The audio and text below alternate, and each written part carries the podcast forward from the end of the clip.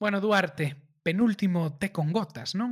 Sí, e a diferenza de outros proxectos que están comezando a rematar as tempadas pois nestas nestas semanas, no noso caso non é só a fin da tempada, senón que quizáis tamén é a fin dunha dunha era ou a fin dunha etapa do que podíamos denominar como a etapa británica do, do té con gotas.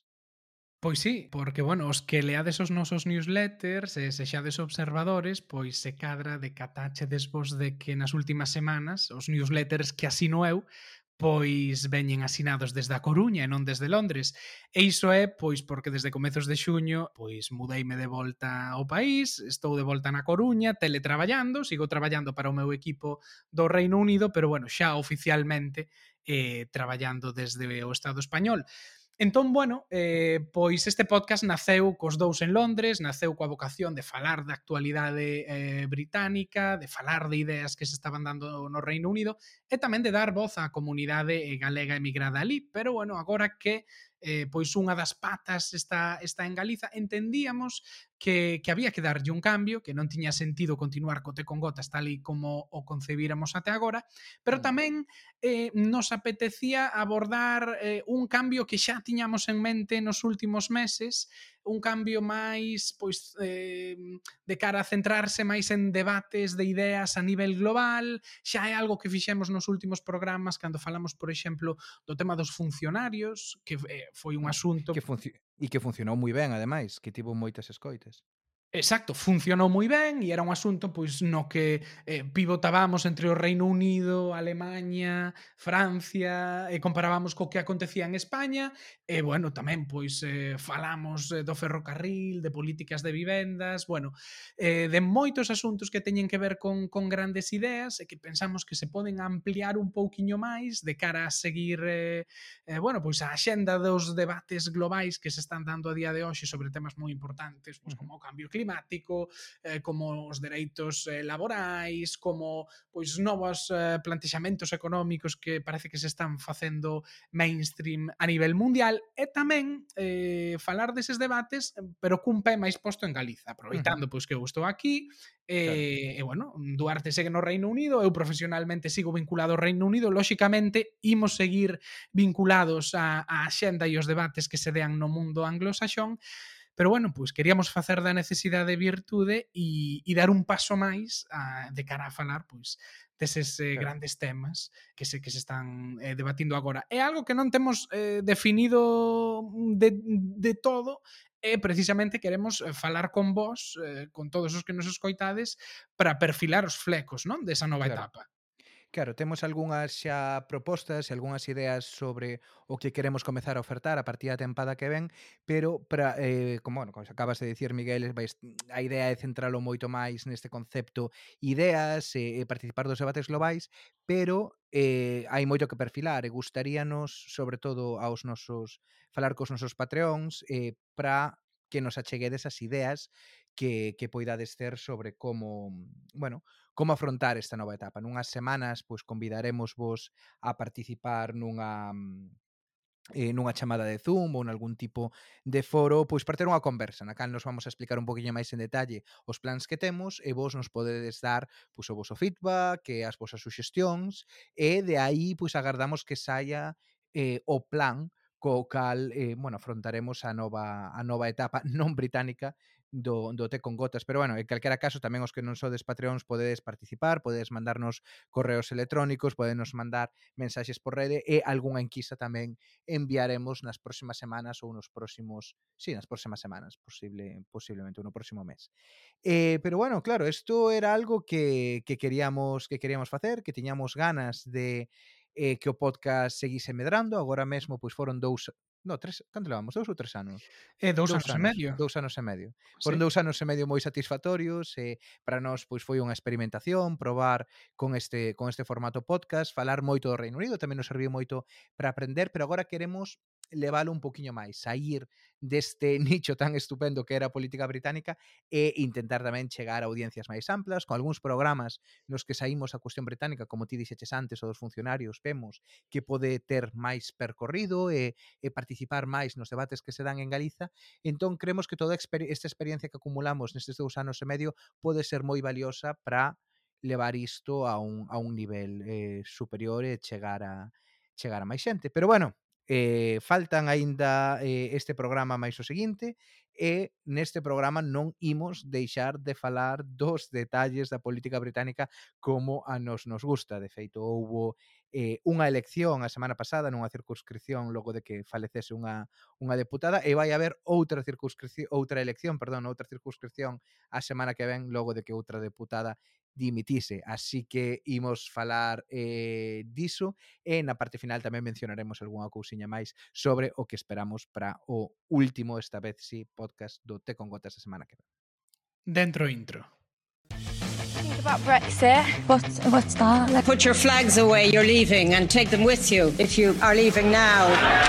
With the light, with the music. Very welcome everybody here. You're joking. There's too much politics going on at the moment. Hi, folks. I've developed mild symptoms of the coronavirus. The nose to the left, 432. Would you like a cup of tea? Yeah, Go sure. on, have a cup of tea. Thank you, thank you. Pois, como dicía Duarte na intro, hoxe imos falar de política británica que nas últimas semanas pois está especialmente interesante a raíz de eh, dúas eh, by-election, unha que xa se celebrou e outra que está por celebrar na primeira semana de xullo. Quen esteades familiarizados coa política británica saberedes en que consiste iso eh, das by-election. Se non é o caso, pois é moi simple. Basicamente, as by-elections son as eleccións que se realizan nunha circunscripción cando un deputado morre ou cando o dimite ou deixa o cargo por calquera motivo. É dicir, son eleccións que se fan nun distrito electoral en particular fora da convocatoria xeral eh, de eleccións. E como dicía, neste caso, pois eh, celebráronse a semana pasada eleccións na circunscripción de Chesham and Amersham e Duarte. Esta, esta by-election pois foi un, unha auténtica sorpresa, non? É un dos uh -huh. grandes temas nos que se, dos que se falou na prensa británica nos, nos últimos días. Por qué? Pois mira, é unha curiosidade, falouse na prensa británica, pero deu unha sensación de que se falou máis a posteriori que antes. Porque, bueno, cando foi a, a anterior by election, a de Hartlepool, que lle gañaron os conservadores os laboristas, falouse moito. Tamén se falou moito da, da, da by election que vai haber a semana que ven, a de eh, tamén no norte na norte de Inglaterra, ostras, espera, a ah, de Batley and Spen. Batley and Spen, perdón.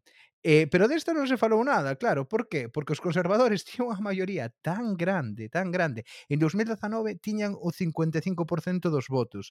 O seguinte a seguinte, a seguinte partido era os liberaldemócratas cun 26, ou seja, que levaban tían 30 puntos de, de vantaxe. Entón, non penso, se fixe... penso que nunca os, os conservadores nunca baixaran do 50% desde que se creou a circunscripción no, creo no que 70. No 70, sí, no 74 e, e, e gañaron sempre, nunca ninguén eh, lle puido disputar esta maioría absolutísima ao PP. Isto estamos falando maiorías casi nivel ourense, vale? Dixe, claro, dixeches ao PP, querías dicir os conservadores, Dixen, ¿no? Bueno, eh, pues, quería decir os conservadores porque xa estaba pensando no de meter ourense. Bueno, esta é unha de unha destas eh, circunscripcións do que agora a prensa lle deu en chamar eh, Blue Wall, é eh, dicir, este muro de escanos conservadores, sobre todo das zonas máis eh, rurais ou, ou do, do, dos arredores das, das cidades de, de Inglaterra, que sempre votan conservador, no cal vive xente con máis cartos, máis acomodada, e no cali, pois, tampouco a nivel político nunca, nunca pasa nada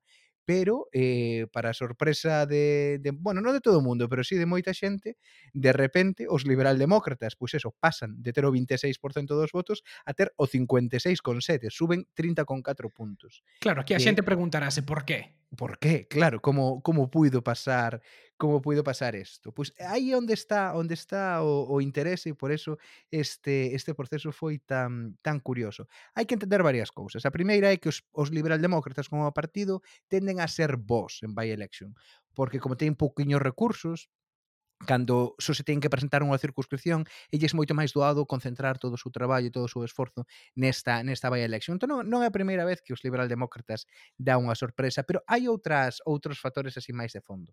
Hai cuestións eh, locais que afectan pois a esta circunscripción que son particularmente importantes e que influíron neste resultado, pois por exemplo, estáse construindo un tren de alta velocidade que cruza Inglaterra e parte esa circunscripción no medio e a xente non lle fai gracia gracia ninguna porque eso progreso pasa pola súa circunscripción e todo o mundo quere trens, quere progresos, sempre cando non pase ao lado da tua casa, non? Que é un funda, algo fundamental na, na política.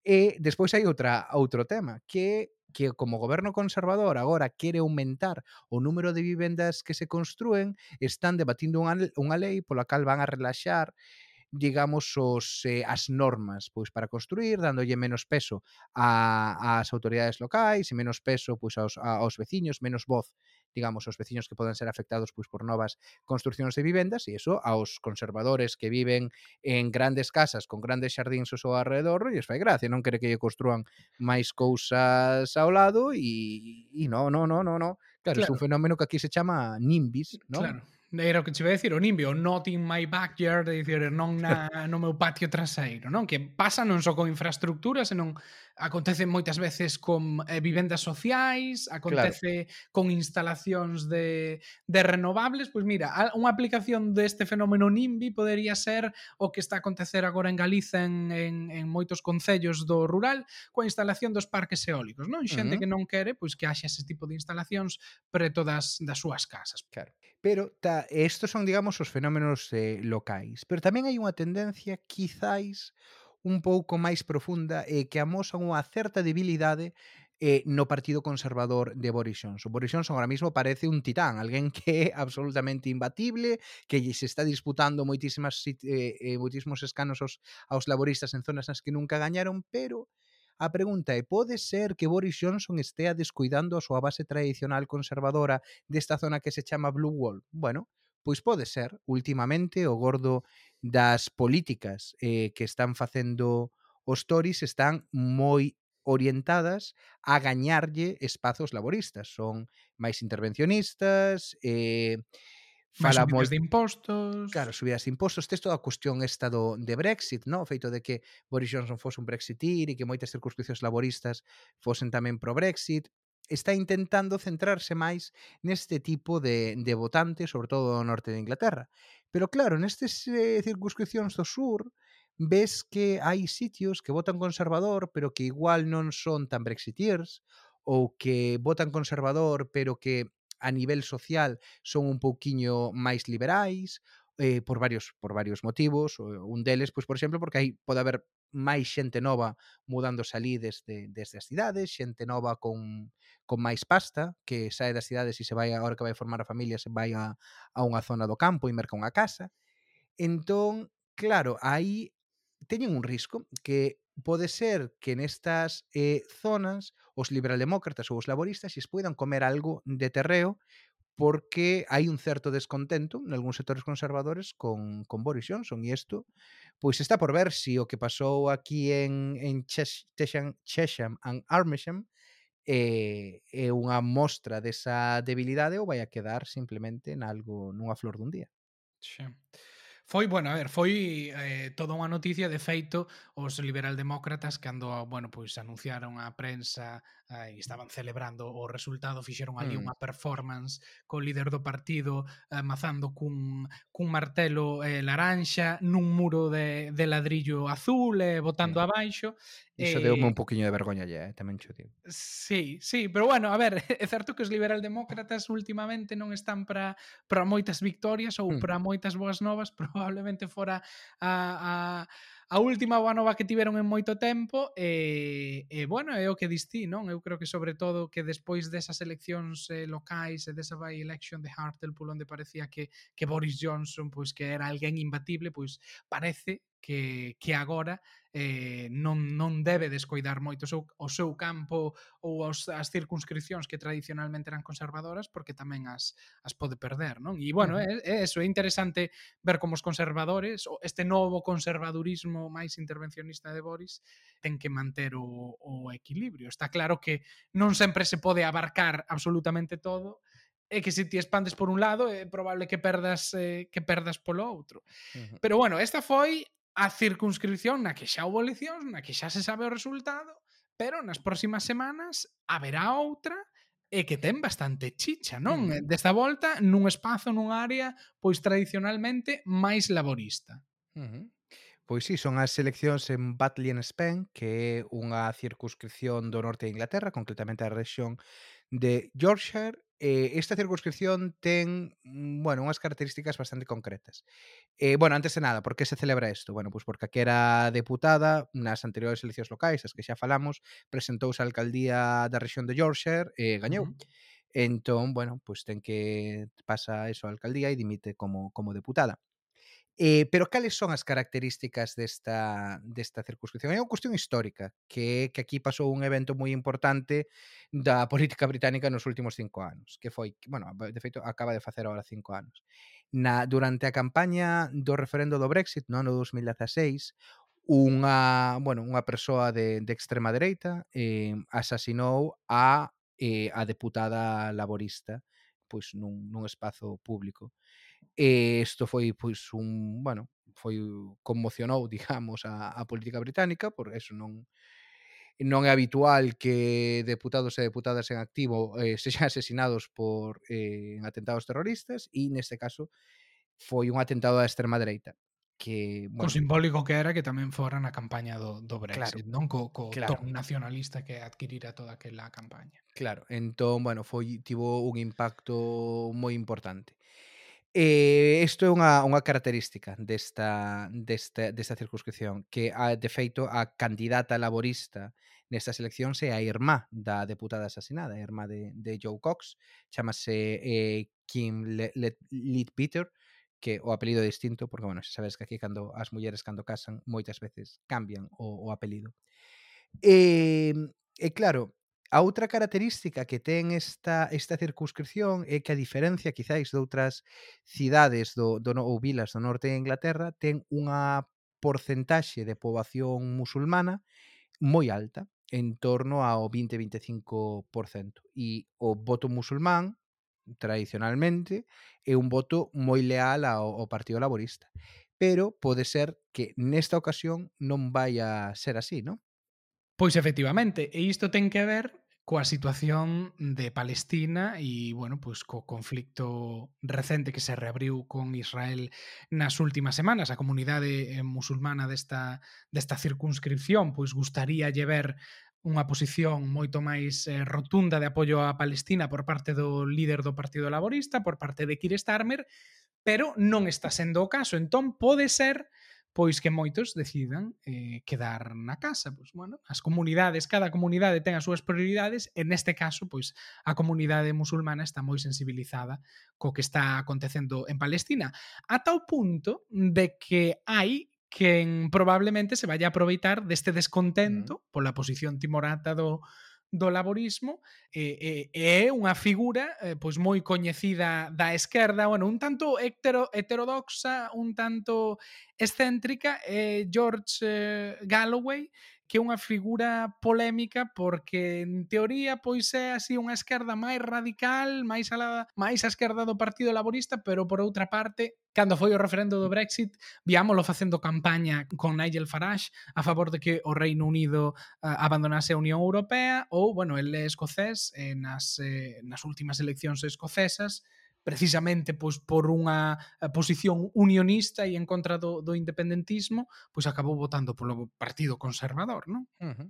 Sí, unha, perso unha personaxe moi moi curiosa. Eh, por dar un poquinho máis de contexto, eh, esta persoa foi históricamente un deputado do Partido Laborista, ao que expulsan, creo que no ano 2003, eh, polo seu, por, pola súa oposición á, á guerra de Irak e por ter unha actitude moi agresiva contra eh, Tony Blair, E, e desde entón, pois, estivo pululando pois, por distintos partidos, primeiro por unha cousa que se chamaba Respect Party, que montou con algúns grupos eh, trotskistas e do movimento antiguerra xunto con o apoio de parte da comunidade musulmana e, de feito, elíxeno en varias ocasións deputado en áreas con moito con moito voto eh, musulmán eh, e agora pois está con esta cousa que se chama o Workers Party of Britain, o Partido dos Traballadores de, de Gran Bretaña, que como como dicías eh, ti mestura un poquiño esta eh, esta historia de esquerda, eh, de esquerda no económico, antiimperialista nas relacións anti internacionais,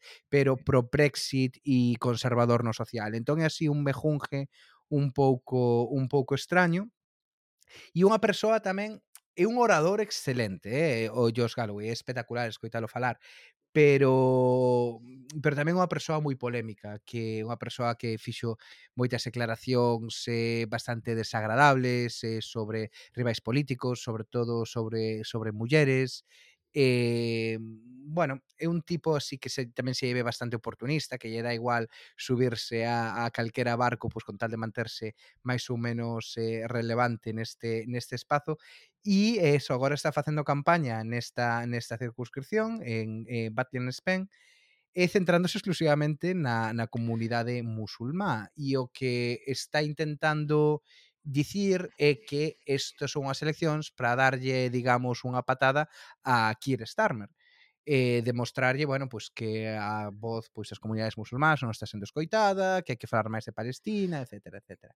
Claro, entón... É bastante improbable, é bastante improbable que gañe, non? Eh, sí. Eh, pero é moi probable que o a súa candidatura pois acabe frustrando a victoria dos laboristas. De feito, claro. bueno, as últimas enquisas que que se coñecen ata ata o de agora, eh, pois danlle unha victoria o Partido Conservador cun 47% dos votos, segundo iría o Laborismo cun 41% e, claro, aquí está o gracioso, terceiro iría esta candidatura de George Galway cun 6%, uh -huh. precisamente, o 6% máis 41%, dos laboristas pois daría o empate cos, cos, cos conservadores. Eh, claro. pois probablemente pois a broma lle, lle faga perder o laborismo un deputado.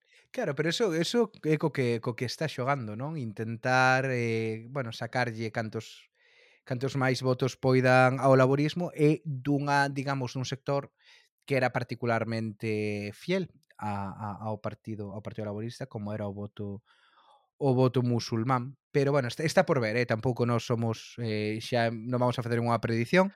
Digamos isto como están as enquisas e desde logo é un risco e é algo que está preocupando a, a, a dirección do Partido Laborista pois o que poida conseguir George Galloway. Sobre todo porque non é a primeira vez que está un susto, eh? no ano 2012 nunha circunscripción tamén parecida a esta, con moita poboación eh, musulmana, eh, tamén tamén West Bedford creo que se chamaba, eh, gañou, eh, gañoulle a unha precisamente a unha deputada, a unha deputada laborista.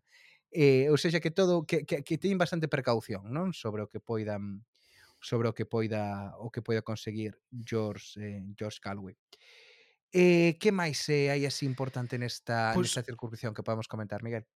eh, na circunscripción eu agora non ia falar da circunscripción, ia falar mm, tamén de movimentos que poden ter certo impacto nisto dentro do Partido Laborista, como é o feito de que pois algúns asesores de moita importancia de Keir Starmer eh, dimitiron ou invitáronos a, a sair do, do barco pois precisamente a unhas semanas das eleccións, algo que, bueno, pois eh, se cadra tampouco é, é, é positivo, non? Cando, cando tes unha cita coas, coas urnas en, en cuestión de vías, mm. pero pero sí, foi algúns dos seus eh, spin doctors eh, máis importantes, eh, e penso que tamén sí. o, o chief of staff de sí. Mm, de Starmer pois eh, renunciaron ao posto. Sí, o director de comunicacións, o vicedirector de comunicacións eses pois marcharon e o chief of staff eh, cambiaron a un posto máis baixo.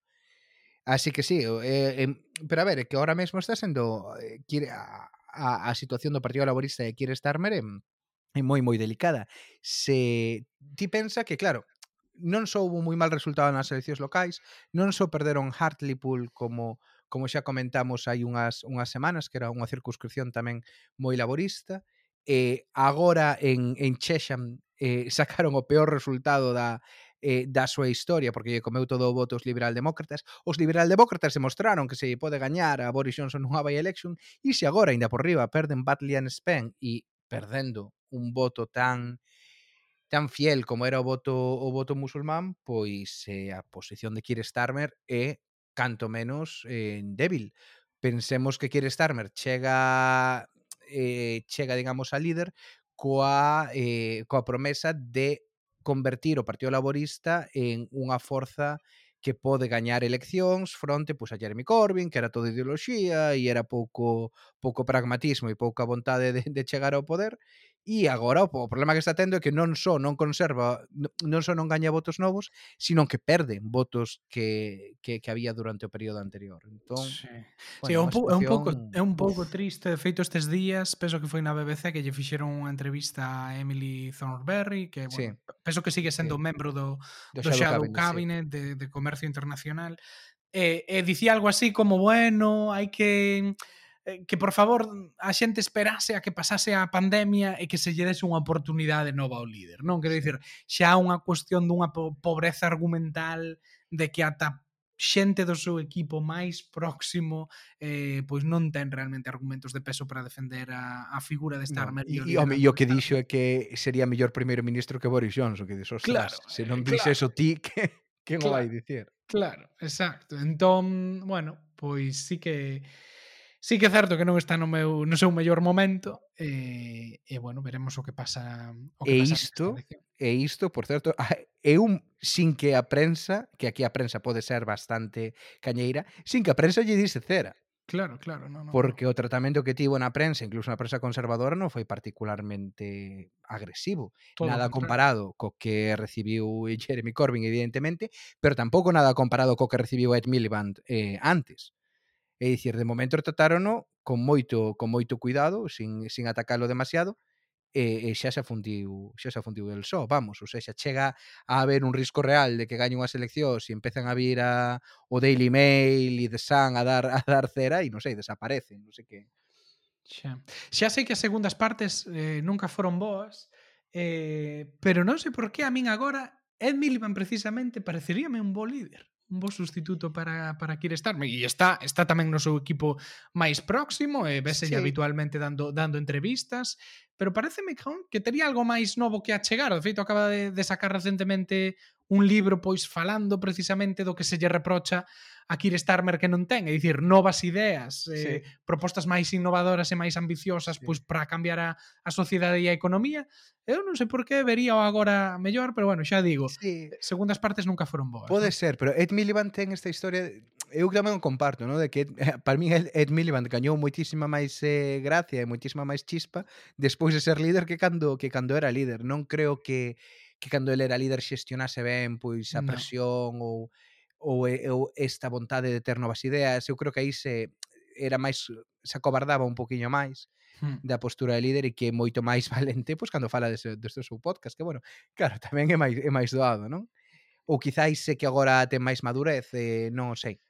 Sí, eh... ou se cadra sair da primeira liña serve para oxigenar e para reflexionar, eu creo que iso ten, a ver, ten que ser lóxico, non? Cando estás mm. na política, cando estás en primeira liña, eh, cando a túa xenda está chea de actos todos os días, probablemente tampouco teñas tempo para dar un par de pasos atrás, para reflexionar sobre grandes temas ou grandes cambios, e, e decidir poñelos en marcha, non? Se te, se te deixas guiar día a día polo que che din os teus dosiers de prensa, mm. por responder ás últimas declaracións, se vas tan ao día eh, eu creo que é imposible ou é moi difícil recargar pilas, oxigenarse con novas ideas e eu creo que iso en Ed Miliband nestes anos sí que sí que se mm. notou pois que aproveitou eso con outros proxectos sí. como o podcast para para para chegar cousas novas. Sí, sí, pode ser, pode ser. Sí que, bueno, creo que posiblemente pudese facer mellor que quere estar. Mere, sabes, por certo tamén quen quen agora está tendo moitísima eh, proxección e cada vez hai máis voces que din que lles gustaría que el fose